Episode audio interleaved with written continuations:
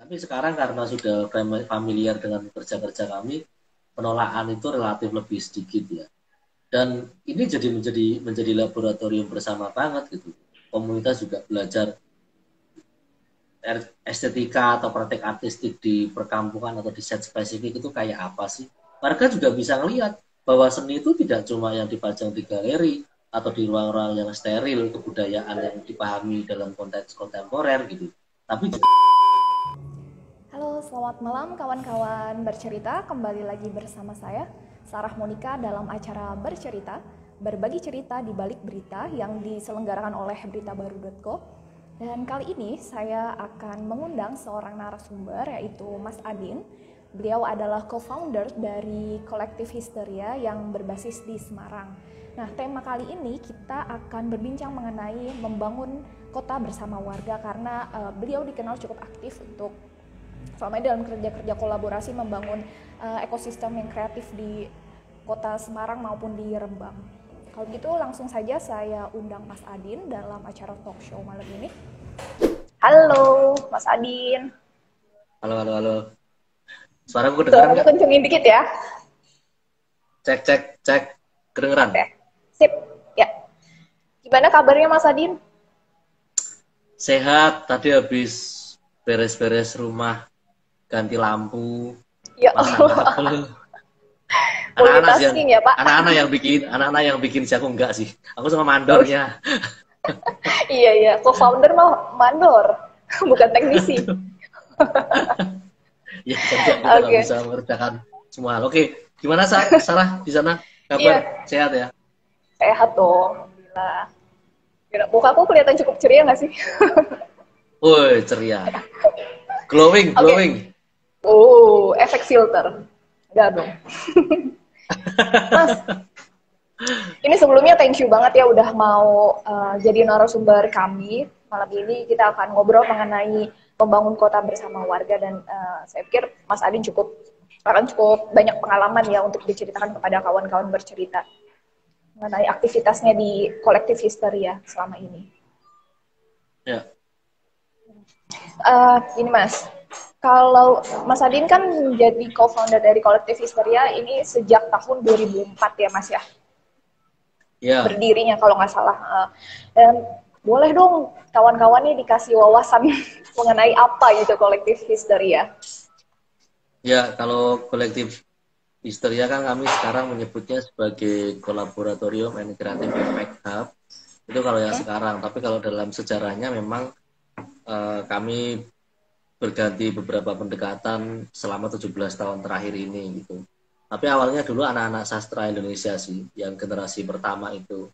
Aku sastra Indonesia dari Fakultas Ilmu Sastra Undip waktu itu, belum ilmu budaya. Oh, Undip. Mm -mm. Ya.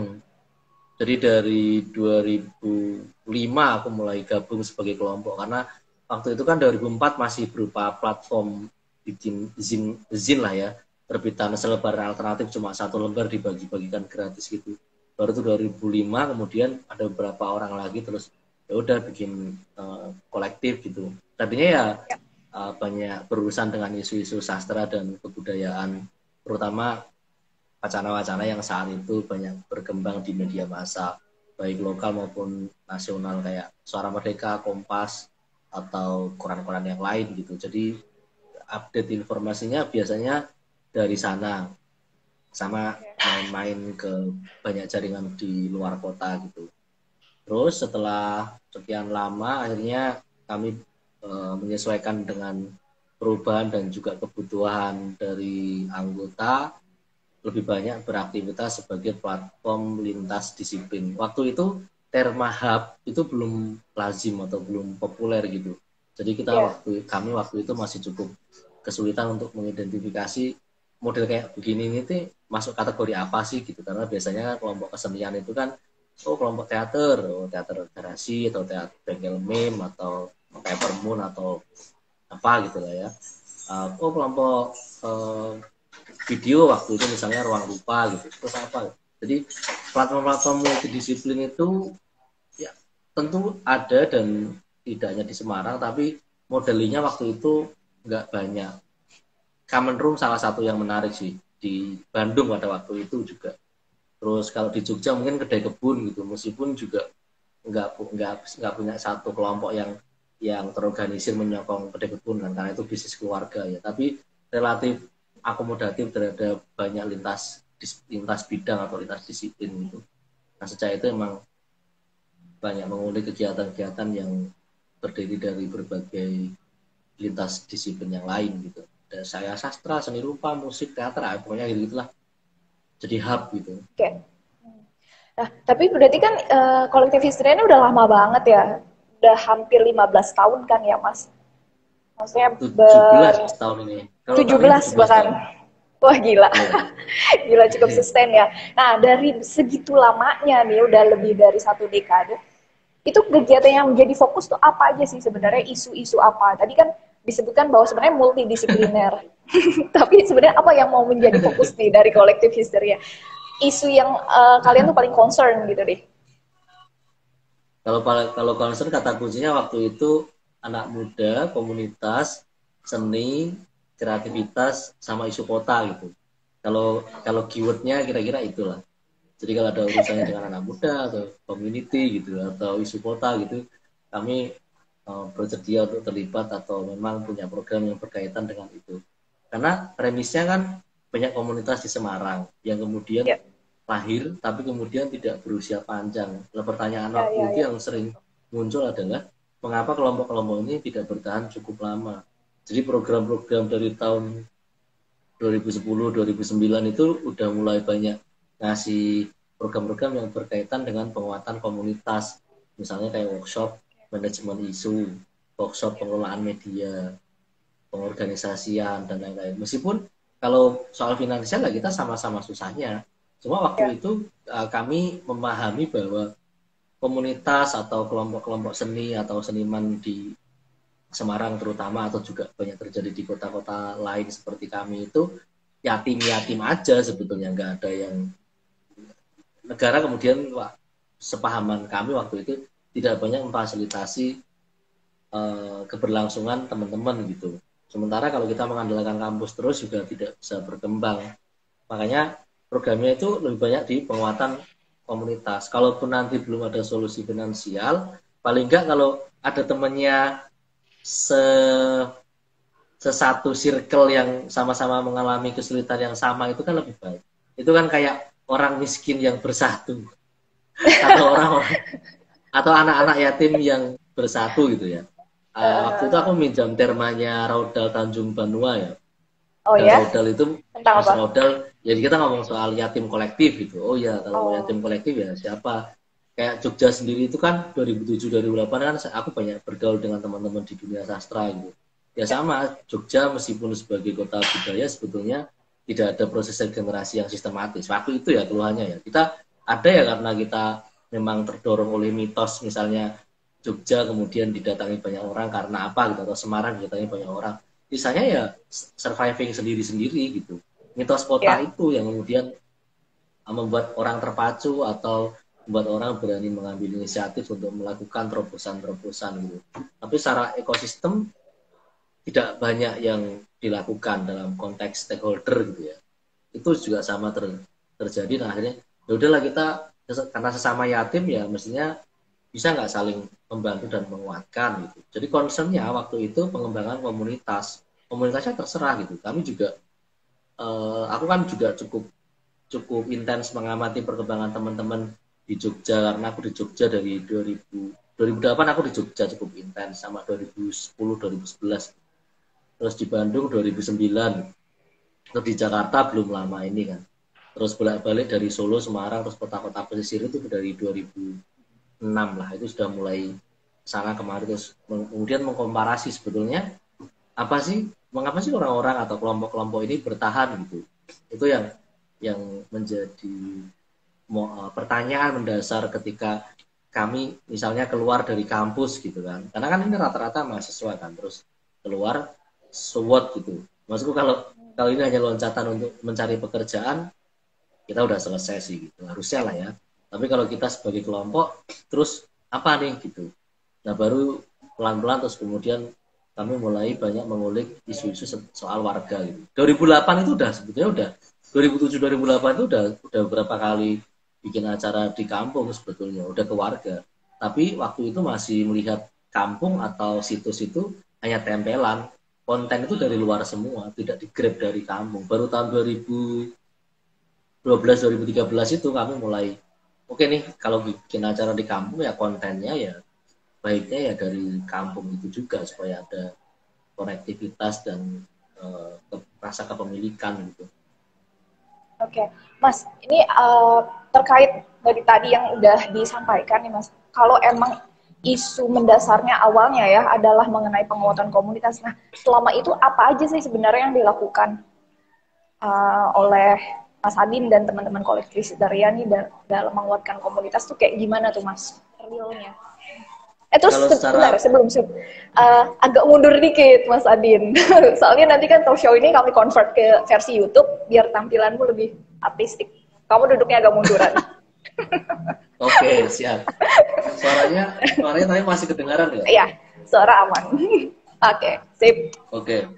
Nah, gitu kan lebih Jadi kalau mas. sebagai pro Jadi kalau program memang kalau program memang kita memang banyak melakukan workshop-workshop penguatan itu yang aku bilang tapi kan kami juga bikin kontrak rumah yang kemudian difungsikan untuk yeah. menunjang kegiatan kan.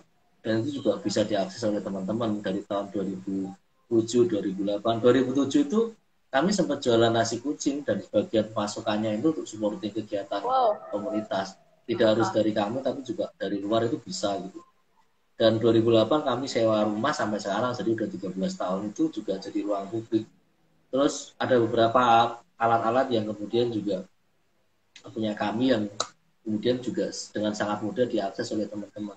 Termasuk kalau membantu membantu teman-teman menajamkan cara berpikir atau kelembagaan atau segala macam ya kami bisa uh, untuk jadi semacam konsultan atau jadi teman yang mendampingi karena kan ya dulu siapa yang ngajari bikin komunitas atau harus bagaimana nggak ada kan?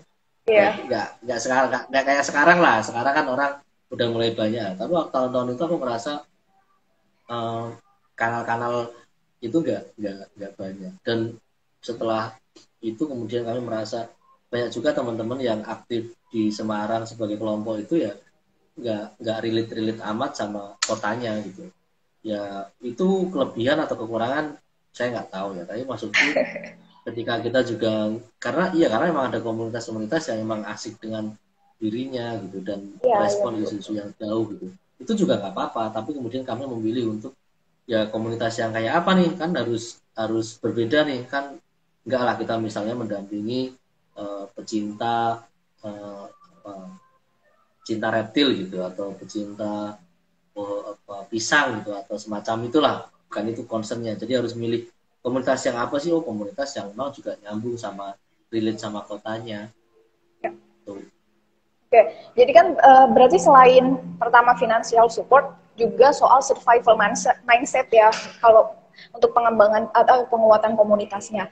Nah, uh, dari situ kemudian, oh ya saya ingat nih ada satu ada satu program yang menjadi fokus uh, kolektif history itu kan mengenai peta kota, mas.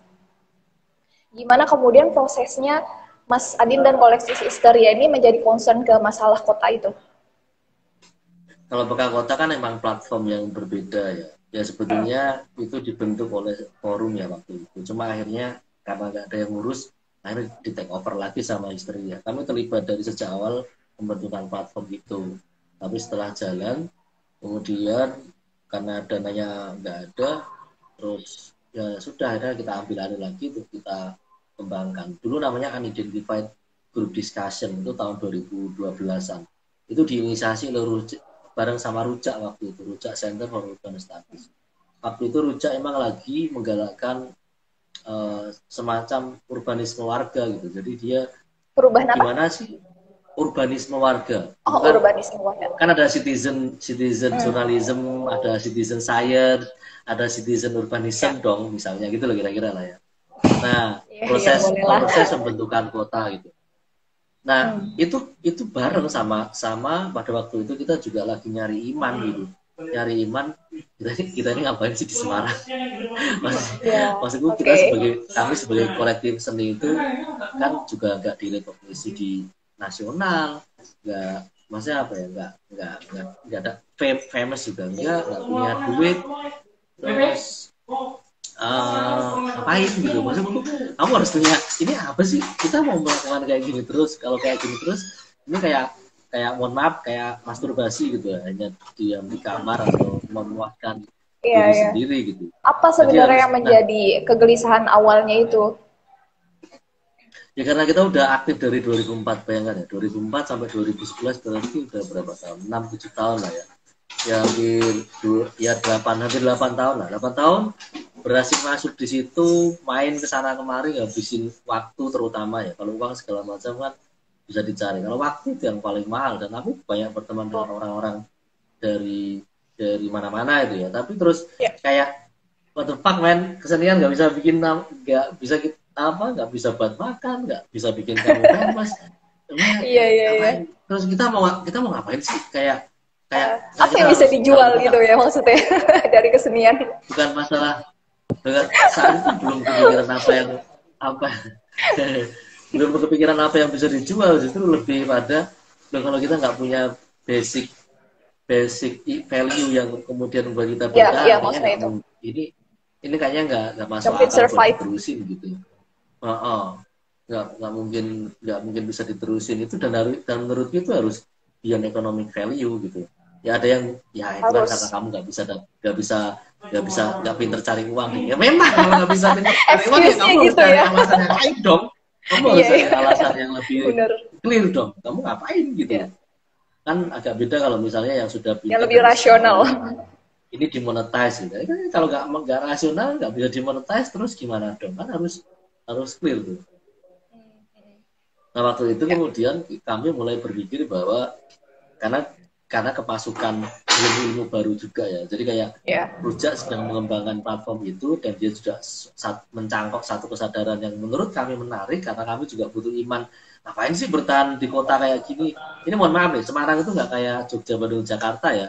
Ya Semarang mungkin agak sedikit, sedikit dekat dengan Jakarta gitu yang sangat industrialis yeah. itu tapi juga nggak yang disupport industri-industri banget gitu jadi ya peluang untuk survive di dunia kesenian itu jauh lebih menurutku jauh lebih kecil ya meskipun ya ada aja terus ya tapi kalau mau mau jujur nih berapa banyak sih kelompok yang di di, di recognize dari Semarang gitu dalam dalam konteks ya. nasional gitu kan kota ini kan hampir minornya dengan Cirebon, eh, Demak, Pati, Kudus yang ya dalam konteks kebudayaan itu ya dianggap sebagai kelompok-kelompok pinggiran gitu yang tidak berkontribusi wacana atau apalah gitu lah kira-kira lah ya. Yeah. Secara umum, secara umum gitu. Jadi ya terus apa dong gitu kan? ya, waktu itu terus ya udah oh, yang terjadi pada kota itu kan akan terjadi pada kita. Nah, ini kayak kayak nyari apa? Basic moral itu loh kayak ya iman lah ya. Iman pada kota gitu. Ya udah, yeah. kita mulai kami mulai berpikir bahwa yang terjadi pada kota akan kembali pada kita, ya kami memilih untuk berkontribusi menurut yang kami bisa melalui dunia kesenian misalnya. Kayak gitu. Tapi kalau Ini cukup misalnya, sih omonganku? Cukup, tapi akan aku gali lagi biar lebih clear. ini kan Mas Adin ini uh, kelahiran Rembang ya, kelahiran Rembang, terus uh, tapi gedenya di Semarang dan pada akhirnya sekarang aktivitasnya banyak sekali di dua kota tersebut um, dalam hal yang mengembangkan kota bersama warga ini. Nah, gimana sih prosesnya, Mas, selama ini berjalan? Kalau prosesnya secara tentu ada banyak ada banyak jalan ya, karena kita nggak ya. mungkin nggak yeah. mungkin kita melakukannya sendirian gitu. Kita butuh kolaborasi dengan banyak pihak gitu. Tapi paling paling kecil lah ya, paling kecil kan eh, apa sih guna ilmu kita dalam konteks yang lebih kecil gitu ya katakanlah dalam skala RT atau RW atau kampung gitu sejarah itu kan kalau kita baca riset sejarah itu secara umum masih membicarakan sejarah besar dia nggak ngomong sejarah toponimi nggak banyak dibahas misalnya atau ya antropologi itu menurutku udah sangat ini pas pas banget nih. Sebentar ini harus dikelirkan nih ya biar kawan-kawan bercerita tahu kamu kamu S satunya basicnya apa sastra Indonesia atau sejarah? Aku sastra Indonesia. Aku uh, sastra Indonesia. Ya, S1-nya sastra Indonesia. S2-nya antropologi di UI. Angkatan ini ada ini ada anak anak pasca antrop juga nih tadi menyapa oh, Teh Ika. 2000, 2017. Oke. Okay. Iya nggak sih? Enggak sih. 2015 sama ya? 2015 saya ya. Nah, nah menurutku justru disiplin antropologi atau et, atau etnografi lah apa metodenya itu sangat sangat apa ya sangat dekat sekali dengan praktik-praktik keseharian. Waktu itu kita nggak nggak waktu itu karena belum belum baca literatur tentang antropologi ya kita pakainya everyday life knowledge itu pengetahuan pengetahuan sehari-hari.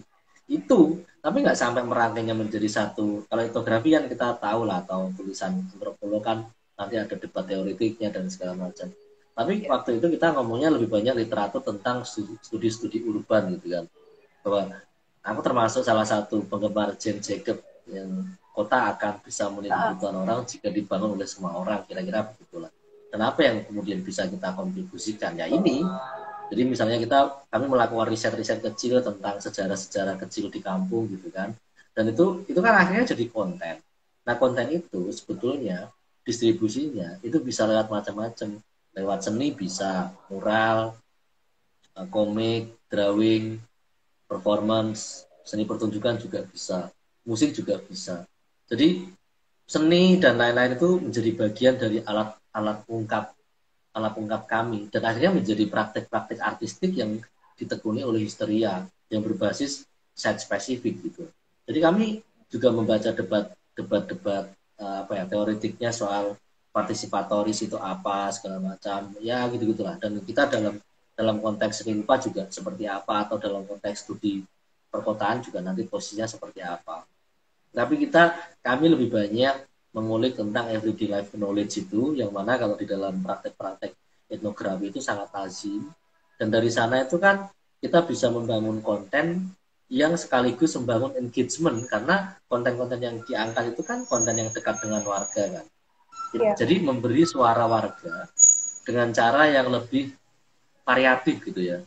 Tapi itu ternyata nggak cukup. Itu nggak itu nggak cukup. Karena untuk misalnya mempengaruhi kebijakan kamu harus lobby itu nanti ada urusan dengan partai politik, dewan, kemudian ada OPD-OPD atau dinas-dinas terkait dan semacamnya. Itu juga akhirnya menjadi concern kami pelan-pelan gitu. Jadi biasanya juga mengoneksikan misalnya misalnya kemarin terakhir proyek di Bergota, warga ingin mengelola kali Semarang gitu. Ya udah kita kami akhirnya mengundang dinas e, pekerjaan umum untuk datang untuk membicarakan ini bisa nggak dikelola oleh warga misalnya atau dinas pendidikan dan lain-lain gitu. Jadi akhirnya uh, Wisteria sebagai pemantik kecil bersama warga memaksimalkan seluruh potensi dan jaringannya untuk mempengaruhi kebijakan sejauh yang bisa kita lakukan gitu. Lalu gimana tuh Mas selama ini kerja kolaboratif sama warganya kan tentu banyak tantangan ya, banyak uh, kendalanya tuh apa saja yang di pernah ditemui di lapangan? Ya kalau kendala tentu uh, apa ya? Ya ada yang nerima ada yang nolak pasti. Tapi sekarang karena sudah familiar dengan kerja-kerja kami penolakan itu relatif lebih sedikit ya. Dan ini jadi menjadi menjadi laboratorium bersama banget gitu. Komunitas juga belajar estetika atau praktek artistik di perkampungan atau di set spesifik itu kayak apa sih? Warga juga bisa ngelihat bahwa seni itu tidak cuma yang dipajang di galeri atau di ruang-ruang yang steril kebudayaan yang dipahami dalam konteks kontemporer gitu. Tapi juga di balai RT di pos kampling ini tentu nggak baru ya. Di dunia seni rupa atau di dunia seni kita nggak baru. Tapi tapi gini untuk konteks konteks tertentu ini nggak banyak yang melakukan gitu. Orang bisa bilang ah udah banyak yang kayak gitu. Iya di sana ngerti aku persis gitu. Tapi kalau di sini kan beda prakteknya beda landasan berpikirnya beda. Mungkin bentuknya hampir mirip ya atau berdekatan. Tapi landasan cara cara berpikir dan strat dan e, tantangan di lapangannya kan bisa sangat sangat berbeda gitu. Konteksnya karena konteksnya juga beda kan. Nah itu yang sebetulnya juga selalu kami tekankan bahwa lihatnya jangan cuma bentuk yang dilakukan tetapi juga jagasannya itu bermutasi seperti apa sih di sini dan bentuknya itu juga bermutasi seperti apa mengapa kemudian bahasa-bahasa artistik yang kami pilih hari ini itu misalnya menjadi uh, satu pilihan sadar atas kerja-kerja kebudayaan kami gitu misalnya. Gitu. Iya, uh, berarti kalau selama ini orang orang juga hambatan sih. SDM iya, nah, itu maksud kekurangan maksud orang, kekurangan orang. Oke, okay. kekurangan SDM. Kita kan ya kita kan kerja-kerja kerelawanan ya dan dan masih susah mencari skema negara yang membiayai kerja-kerja intervensi sosial gitu. Social structure itu kan orang ya, itu yeah. kan jaringan ya, bukan kita membangun jembatan itu semennya berapa, kemudian nanti dikasih uh, batuannya seperti apa, pasirnya seperti apa, kekuatannya bertahan seperti apa. Social structure itu kadang-kadang di person. Begitu satu orang itu ternyata menjadi pilar dari seluruh rangkaian jaringan. Ketika dia diputus satu, seluruh jaringannya itu bisa putus sama putus sekali. juga. Gitu. Ya. Nah, jadi sosial sosial costnya itu mahal gitu. Ini harus ada yang ngecek. Ini nggak bisa kayak yang dibiarkan kayak yang dibiarkan alami. Yang kita hadapi sekarang itu kan infrastruktur dibenahi, terus berasumsi seolah-olah nanti orangnya akan menyusul gitu, kesadarannya akan datang. Padahal itu mestinya seiring sejalan. Nah, ya social intervention itu yang kemudian kita susah meyakinkan sponsorship, meyakinkan orang-orang yang mendukung bahwa eh kita tuh perlu loh membayar waktu orang yang tidak melakukan apa pun hanya nongkrong di tempat itu gitu. Yang yeah, yeah. kamu bilang partisipan observation itu kan nongkrong yeah, yeah, yeah. nggak ngapa-ngapain toh. Di, di iya, iya. awal-awal yeah. itu justru kadang-kadang kalau kita ketemu sama anak-anak sosial apa eh, natural science gitu lah atau atau apa studi-studi yang lebih ini kan datang itu langsung ngekstrak data kan. Pengennya langsung ketemu toko A, B, C, D, F, G kemudian dapat data dibawa pulang datanya diekstrak nah kalau dalam kerja-kerja kayak gini nggak bisa. Itu harus bangun raport ya kan? Dan oh, bangun harus building bangun trust dulu ya enggak bangun raport itu adalah pekerjaan uh -uh. yang melelahkan gitu karena kamu harus dan text time kerja, tentunya. Ya ngerjain PR ditanya macam-macam harus banyak cerita nongkrong sosial barriernya itu juga banyak gitu. Nanti kalau misalnya ya kita hadapi orang-orang apa ya agak lebih agamis gitu ya. Kalau kita fasilitatornya kita taruh orang bertato nanti ditolak misalnya. Ya, Jadi ya, ya. kami eh, kami sedang aku nggak tahu ya karena aku nggak aku debat-debat soal pendekatan semacam itu kan nggak apa ya belum banyak baca ya. Tapi biasanya kalau kami kami masuk ke dalam satu satu site itu kemudian tidak hanya satu atau dua orang peneliti. Aku tuh pasti memasukkan nanti ada seniman, ada uh, riset, ada dosen, ada teman-teman warga negara asing. Dan aku melihat ini itu input gitu. Outputnya kayak apa? Aku melihat feedbacknya juga kayak apa gitu. Jadi itu kayak kamu ngasih menginjeksi organisme dengan macam-macam. Oh, diinjek pakai duit kayak apa nih? Diinjek pakai orang ini, diinjek pakai ini. Itu macam-macam. Nah laporan-laporan yang datang ke aku itu akhirnya informan itu nggak bisa yang kayak aku mengandalkan satu periset lapangan di sana kemudian datang ke aku terus aku semua menyerahkan ke dia enggak. Tapi aku juga collecting data ke kelompok-kelompok lain yang masuk di dalam kelompok sosial-sosial yang lain gitu. Jadi datanya itu ya. wah ini lucu banget nih bisa di ini bisa di itu. Nah yang paling mahal itu adalah sosial cost-nya karena misalnya kadang-kadang warga itu tidak persoalan duit banyak loh ya kayak gitu. Karena pengennya misalnya guyup gitu. Tapi sentimen antar warga ada. Kebencian Tuh, karena friksinya. satu dua hal itu ada. Friksinya juga ada. Nah itu kan harus dipecahkan tuh. Nggak bisa yang ya. kayak dibiarkan gitu. Kecuali kalau kita mau bikin semacam program-program yang fit and run selesai jadi ya. ulang itu bisa. Dan aku juga nggak menolak yang kayak gitu. Karena itu misalnya itu bagian dari job ya.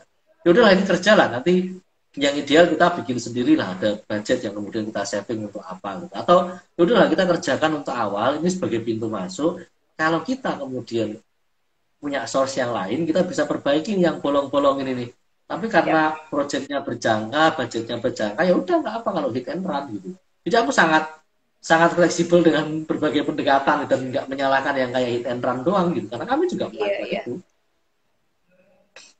Iya, memang uh, banyak juga soalnya ya program-program terutama yang disupport oleh pemerintah itu malah pendekatannya lebih ke hit and run. Tapi tapi bener, aku sepakat tadi Mas Adi bilang bahwa itu bisa dijadikan pintu masuk untuk untuk kegiatan lain yang lebih sustain kan sebenarnya dan lebih iya, berdampak ya, iya. pada warga. Iya, dan uh, saya, saya juga ngerasain tuh pernah kerja yang kayak kerja-kerja koordinasi nih mas ya. Ngurusin orang ketemu ini itu ini itu. Itu kan kelihatan kayak kayak nggak ada sesuatu yang realnya gitu yang konkretnya akan dijadi apa. Tapi nah uh, padahal itu berdampak banget. Cuman orang yang biasa praktis melihat itu bukan kerja gitu. Padahal iya karena nggak ada gitu. karena nggak ada barang yang, ada konkretnya. Iya itu nggak bikin nggak seperti bikin bangun jembatan atau talus atau apa. atau itu, ngedesain apa gitu ya kan? Uh, itu yang berat tuh. Padahal ngopi dan ngobrol itu juga bagian dari kerja bukan gitu Mas Adin yang iya, belajar kan sama aja. kamu kayak kamu kayak ngelem ngelem apa tuh uh, rokok atau nyempreti barang-barang di industri garmen. Sama-sama tek uh, menghabiskan waktunya. Sama kayak psikolog atau psikiater dengerin orang curhat waktunya. Yeah. waktu yang harus hmm, dihargai. itu kan orang-orang kadang nggak ngelihat wah ini gimana? Yeah, yeah. padahal waktu itu yang nggak bisa dibeli ya. Uh, terus ini mas. Halo? Ya halo. Mas, kalau selama ini kerja-kerja uh, kolektif histeria itu kan mungkin tadi Mas Adin menceritakan berawal dari kerja di bawah dan akhirnya meminta support dari pemerintah bahwa ini ini sesuatu yang potensial itu untuk dikembangkan di sebuah kota. Gitu. Dan apakah selama ini cukup baik itu Mas uh, dukungan dari pemerintah dan Sekarang lagi... dan pemerintah di bidang apa saja? Apakah apakah melibatkan Kemendikbud atau Kemenparekraf Ya sekarang sekarang sedang dirintis dengan pemerintah daerah sih kayak pemerintah kota itu ya kita lagi merintis itu. Ya nggak gampang sih. Emang nggak? Ya. nggak gampang. Pergantian pemerintah juga ganti ya ininya supportnya. Ya. Ya ya kadang-kadang ya mereka. Tapi gini aku tuh ini memang repot sih ya. Kita itu udah sampai pada titik kayaknya kita itu nggak bisa berhenti gitu loh. Pilihannya adalah hidup menyedihkan atau hidup artinya gitu. Nah kalau nggak ada kalau udah nggak ada support semua yeah. kalau nggak ada support dari mana pun itu ya ya kita tuh nggak nggak akan berhenti. Jadi kita, kita gimana ya? Ya kalau ada support itu ya dianggap sebagai bonus atau sebagai bagian juga yang mungkin juga bisa dimonetize untuk yang lain. Tapi kalaupun enggak itu kayaknya udah nggak bisa. Aku kadang-kadang lihat hubungan dengan kesedihan itu ya kayak toxic relationship aja gitu and love relationship ah itu nggak bener lah tapi memang lagi dirintis sih ya kadang nyambung dengan dinas tertentu dinas misalnya dinas uh, kebudayaan dan pariwisata atau Kemendikbud atau Kemenparekraf atau dinas-dinas yang lain gitu tergantung tergantung kebutuhan juga sih tapi kami selalu belajar untuk prinsipnya kalau nggak ada duit, bikin program yang nggak ada duitnya. Kalau ada duit, bikin program yang ada duitnya. Udah itu aja. Nah ini doktrin ini yang kemudian juga uh, kami tanamkan ke teman-teman gitu. Kamu nggak usah ngeluh, nggak punya duit, nggak punya apa. Karena histeria itu ya berawal dari nggak punya apa-apa. Maksudku dulu kita kami tuh uh, layout zin itu sewa di rental rental komputer yang 3000 per jam itu karena kamu karena di antara kami itu nggak ada yang punya laptop laptop buru-buru komputer PC aja nggak ada yang punya pada waktu itu ya ya tahun Jadi itu ya benar-benar dari ya benar-benar dari yang ah bullshit terlalu ngomong soal nggak punya ini nggak punya itu. Kalau emang kamu pinter kali ya pasti ada gitu. Ya. dan itu sampai sekarang. Jadi mau mau dari pemerintah daerah atau dari pusat atau dari sponsorship atau bahkan dari iuran warga itu kami lakukan semuanya. Dan memang ada program-program yang ini memang pakai duitnya warga karena dia dia iuran dan jalan kok jalan. Ada juga yang pakai subsidi silang ada yang pakai kadang-kadang ada funding yang kemudian tertarik untuk mendanai riset apa gitu. Atau dari pemerintah pusat ya ya pinter-pinternya kami aja lah nge-branding ini semua menjadi satu kegiatan yang yang masif gitu ya. Branding ya intinya. Ya kan kesannya kan karena kesannya yeah, kan mungkin istrinya istrinya sangat established gitu kan kayak nggak ada problem gitu loh. Keuangan lancar orang ya maksudnya padahal itu padahal ya kita, ya, cukup menyesakan ya ya ya sesak sesak orang itu pilihan toh akhirnya toh ya sudah gitu. tapi kan memang itu mas maksudnya seni itu kan menjadi sangat kreatif kalau dia bisa menembus yang uh, keterbatasan-keterbatasan itu bukan?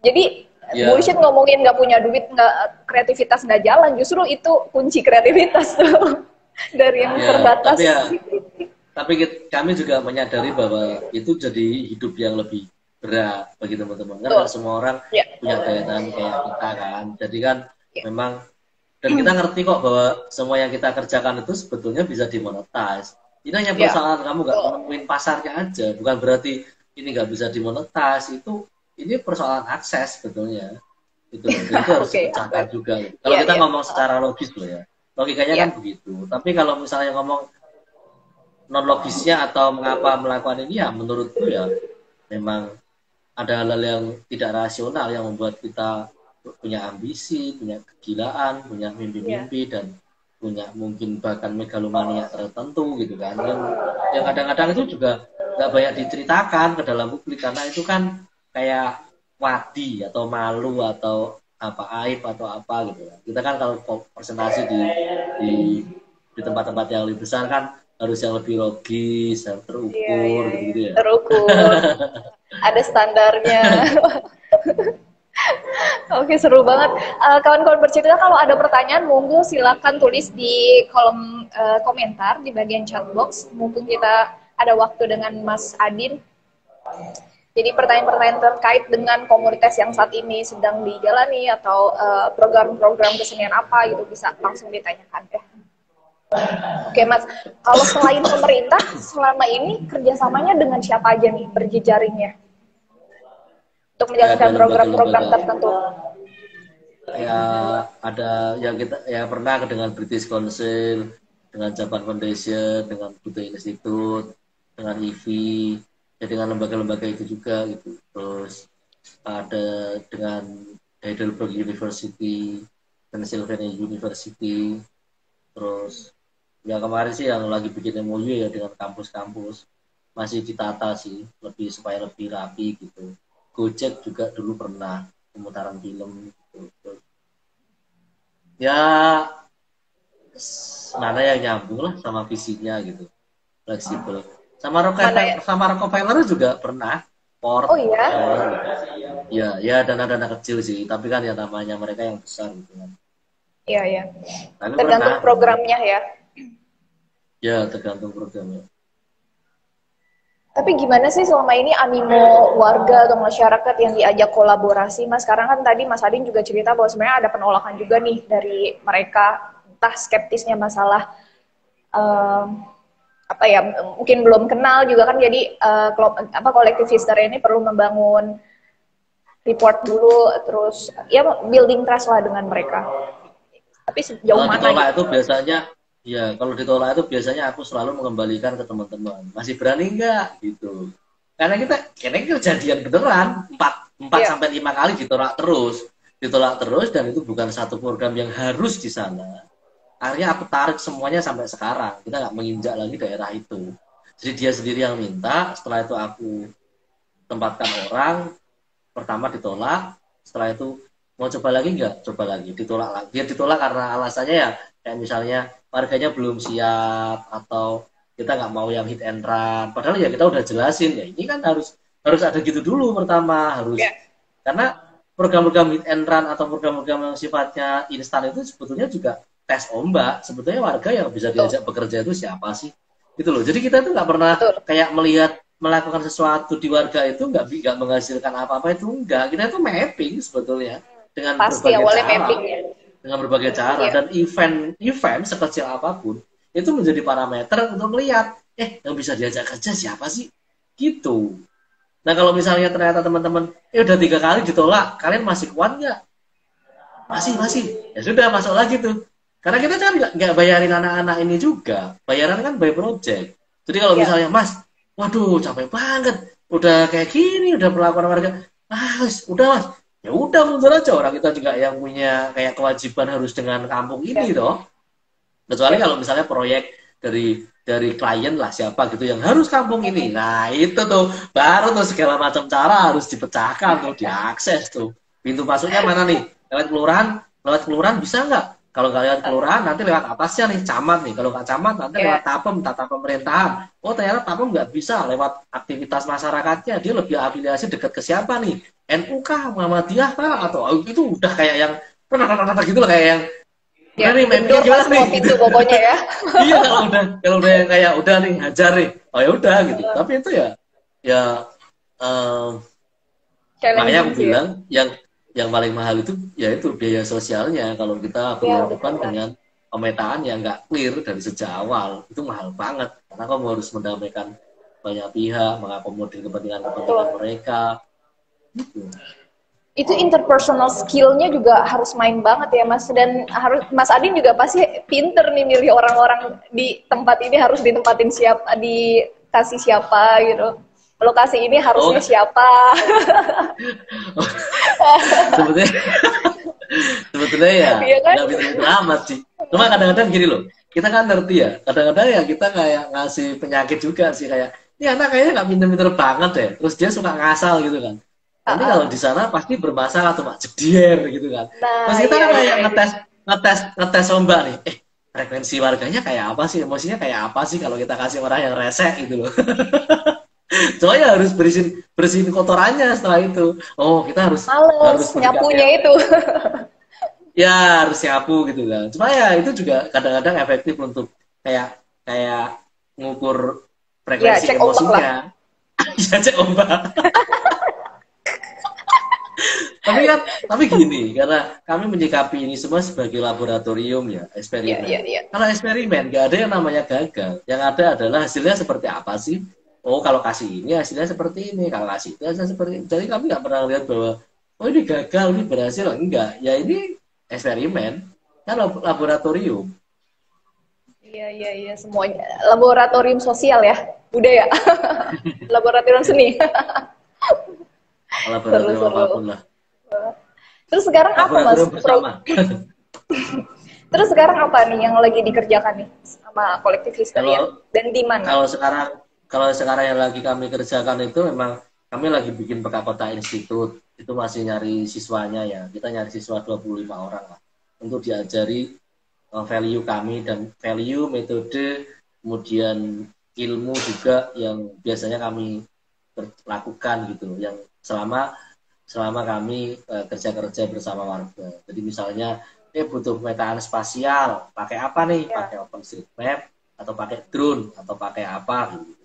Itu kan teknis banget. Nah, itu yang kemudian pengen ajarkan ke teman-teman. Oh, kalau kalau intervensi artistik atau kerja-kerja artistik di kampung, nanti kita undang nih yang biasa jadi kurator di sini atau jadi artistik kampungnya, dia jasanya seperti apa. Jadi praktek-praktek yang kami lakukan itu pengen di diseminasikan ke jaringan lain gitu ke generasi-generasi yang lebih muda.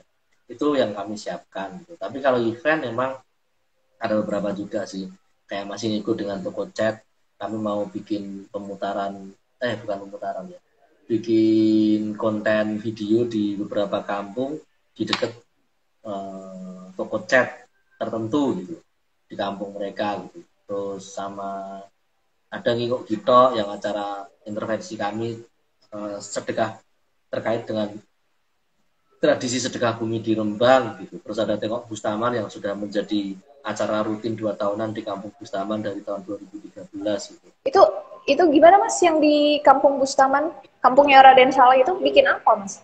Dua tahun sekali. Kalau yang kalau yang tahun ini temanya temanya eh, kemarin sih mau ngomong sumup sumup kampung ya. Itu tentang eh, atmosfer yang membentuk kampung lah. Hmm. Itu dari dari tesisku sih rencananya. biar oh, biar okay. kepake tesisnya. Tapi biar kalau yang, yang, Tapi kalau yang lain yang yang sebelumnya itu emang setiap tahun itu temanya emang ganti. Tahun pertama itu Everyday Life Knowledge itu yang itu 2013 judulnya Kampung Bustama. Eh tengok Bustama, nggak ada embel-embel yang lain. Yang dirayakan itu ya sejarah tokoh masyarakat, cerita Pak RW, cerita Pak RT, gitu-gitu yang jadi konten lah ya. Pameran, bentuknya pameran, ada pertunjukan, pamerannya di kampung. Pameran di pameran kampung. Terus biasanya kami mengundang, enggak pamerannya macam-macam, ada komik, ada biasanya biasanya kami bagi sih. Ada yang bikin instalasi di kampung, ada yang bikin workshop dulu sama warga, nanti terus karyanya dipajang di sana. Pakainya ya balai uh, balai RW misalnya, terus atau balai RT, terus eh, tempat-tempat pos kamling yang tidak dipakai, teras rumah, rumah warga yang kalau mereka tidak keberatan. Biasanya juga seniman residensi dua minggu sampai satu bulan. Ada yang cuma seminggu juga ada. Nanti mereka live in di sana gitu. Nah tahun kedua itu ngomong soal ngomong soal ruang publik di di pemukiman sempit gitu. Tahun ketiga ngomong soal kemandirian ekonomi tahun keempat itu kemarin kita bahas soal uh, Bustaman untuk dunia. Itu lebih elaborasi terhadap kaitan kampung Bustaman itu dengan Raden Saleh dengan Ki Kertoboso Bustam dengan sejarah Mataram dengan sejarah uh, eh, VOC dan Geger Pecinan dan lain-lain itu kami tarik semua ke sana. Karena nyambung semua di sana. Terus tahun kelima ini belum tahu nih masih ya itu masih masih nyari-nyari gila aktif banget uh, dan kalau yang ini mak kenapa apa? kalau yang sedekah bumi yang nengok gitu ini setahun sekali tapi itu nempel di tradisi sedekah bumi di desa Sekar Arum gitu. Jadi kami membranding ulang dan mencak, me, me, membuat narasi yang lebih lebih kompleks tentang apa itu sedekah bumi. Metodenya hampir sama, ya? tapi ini yang di Rembang. Tapi kami juga punya Pentaka Labs, itu acara yang seperti jadi jadi tengok bersamaan itu laboratorium sosial kami yang cukup lama di kampung. Nah dari sana kami kemudian menemukan metode untuk masuk ke kampung-kampung yang lain, pindah-pindah. Jadi tiap jadi bisa dibilang setahun sekali tetap bikin acara terus itu. Yang iya, katanya iya, dua iya. tahun sekali itu ya cuma gantian aja gitu. Karena tengok Bustaman tahun ini, nanti tahun depan Pentaka Labs itu dua tahunan juga, tapi beda-beda. Yang pertama dulu di Kemijen itu isunya tentang uh, ketahanan kampung karena kaitannya dengan perubahan iklim dan uh, kenaikan muka air laut misalnya. Terus tahun kedua di uh, Nongko Sawit, Randusari itu kami banyak ngomong soal temanya sedulur Banyu. Lalu Mas Aswin ini menyimak, ini orang kampung yang menyimak kita. Itu juga ngomongin soal alih fungsi lahan karena daerah Randusawi atau Randusari Nangko Sawit itu daerah resapan yang kemudian jadi pemukiman. Terus tahun kemarin tahun 2020 kami bekerja sama dengan Galeri Nasional ngomong soal udan salah mongso yang berbicara soal perubahan konstelasi global hari ini termasuk pandemi itu bagian dari eksesnya gitu. Jadi tiap tahun itu selalu selalu ada isu gitu yang kemudian dimasukkan di dalam set spesifik gitu. Tapi kan Mas, kalau program dan kegiatan dari kolektif Histeria ini kan banyak sebenarnya sebagian besar adalah kerjaan-kerjaan yang outdoor gitu ya. Terus gimana itu selama pandemi kalian tetap uh, menjalankan kerja-kerja itu? ada yang kemarin sepenuhnya eh, ada yang hibrid gitu ya, ada offline online dengan pembatasan gitu ya. Kita ya yang tahun pertama 2019 eh 2020 awal itu ya drop semua. Semua event iya, di cancel. Kontrak-kontrak di cancel semua. Ada lima kontrak atau enam kontrak yang itu cancel semua. Udah. Tapi di akhir tahun di akhir tahun terus ada event hybrid itu cukup menyelamatkan kami untuk untuk membiayai sewa rumah segala macam dari dari event itu gitu itu kemarin benar-benar yang kayak wah mampus kita nih kayak karena benar-benar gak ada masukan selama iya. pandemi yeah. itu. Nah sekarang pelan-pelan mulai oh adalah kecil-kecil gitu ya.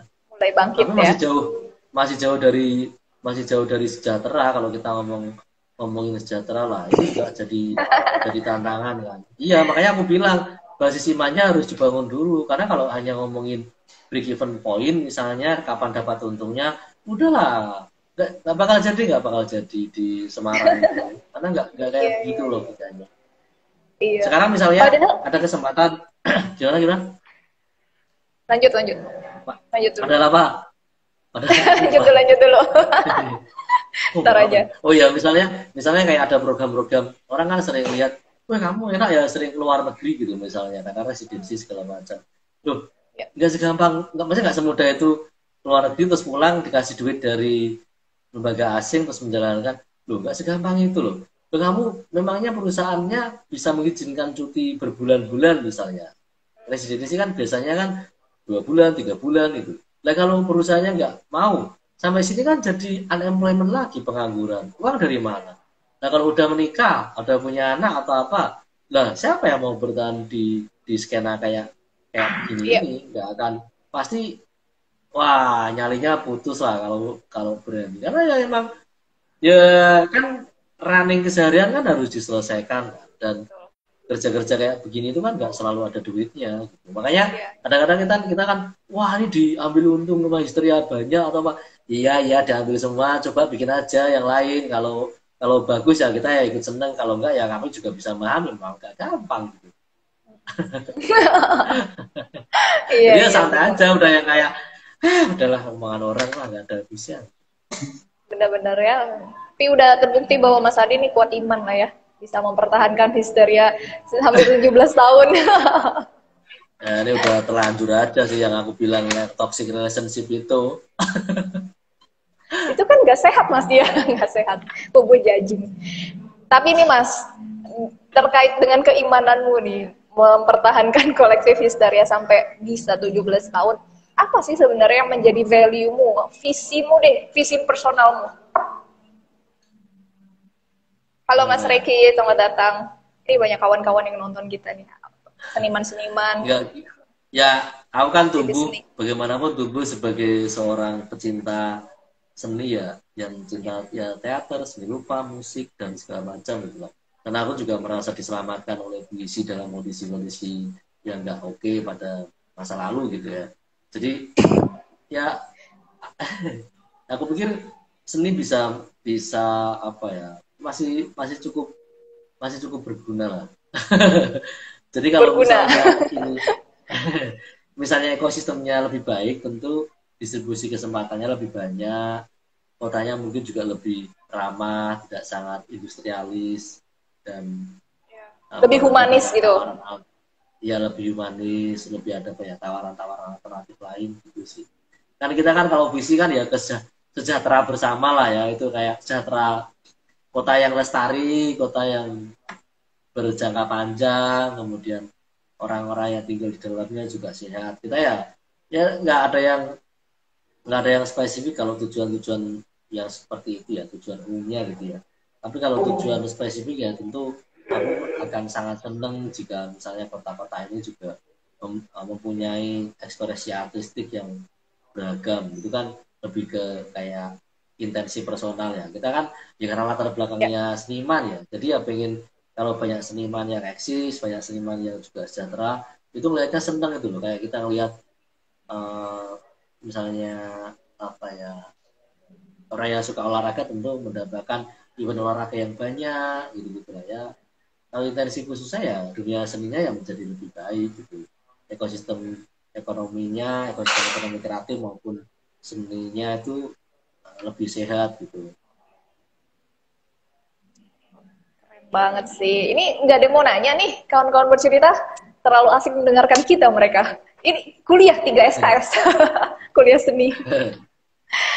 Oke mas, kalau gitu ini deh um, pesan terakhir untuk kawan-kawan agar mereka lebih terinspirasi oleh kerja-kerja bersama, kerja kolaboratif dan kreatifnya dari kolektif Histeria.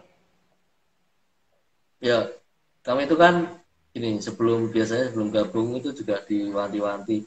Apa yang bisa kamu kerjakan sendirian ya jangan dilakukan gerombolan karena kita bukan gerombongan gitu loh. Maksudku ya harus bisa literally kerja sendiri gitu memanage mengelola orang. Kan kami testingnya kalau sama anak-anak kan oh bisa nggak bikin kerja uh, pengorganisasian sendiri gitu dengan modal yang kamu punya nggak dikasih duit nggak dikasih apa-apa ya kalau dia bisa kalau kamu minta bantuan pacarmu temenmu uh, atau peranganmu segala macam itu dianggap sebagai satu potensi leadership justru. Tapi kalau dia benar-benar kepontang manting sendirian ya kita ngelihat sampai sekuat apa gitu. Biasanya generasi-generasi awal histeria itu rata-rata kita bangun basis value-nya kayak gitu. Jadi kalaupun kita melakukan sesuatu itu ya berdasar dari apa yang kita miliki dulu modalnya apa yang melekat ke kita baik secara sosial maupun secara eh, apa ya ekonomi maupun material atau imaterial gitu ya. Aku pikir penting sih dan apa ya berani mencoba atau berani melakukan sesuatu meskipun itu tidak baru itu menurutku perlu diapresiasi sih. Karena keberanian untuk memulai itu nggak semua orang juga juga punya gitu dan dan itu bisa dimulai dengan hal yang sederhana nggak bayangkan hal yang yang besar sih. Paling itu sih apalagi generasi sekarang ya misalnya yang yang sudah sangat terbiasa dengan harga sate kambing aja sekarang lebih murah daripada beli kopi gitu kan. Yang terbiasa lihat orang-orang yang sudah yang sudah fancy sophisticated gitu kan. Sudah ngeper duluan dari zipper kalau mau bikin kegiatan di tempat yang sepi atau di tempat yang tidak dikunjungi banyak orang gitu. Padahal ruang-ruang besar yang sekarang besar itu juga banyak yang bermula dari uh, tidak punya modal apa-apa jadi siapa pun yang mau memulai saya rasa penting untuk percaya diri terhadap apa pun yang melekat pada diri kalian. Dahsyat. Dan jangan lupa iman berkeseniannya itu ya yang perlu dikuatkan. Mas Adin, makasih banyak loh untuk obrolan serunya malam ya, ini dan saya yakin ini sangat bermanfaat dan sangat menginspirasi kawan-kawan bercerita yang nonton live kita.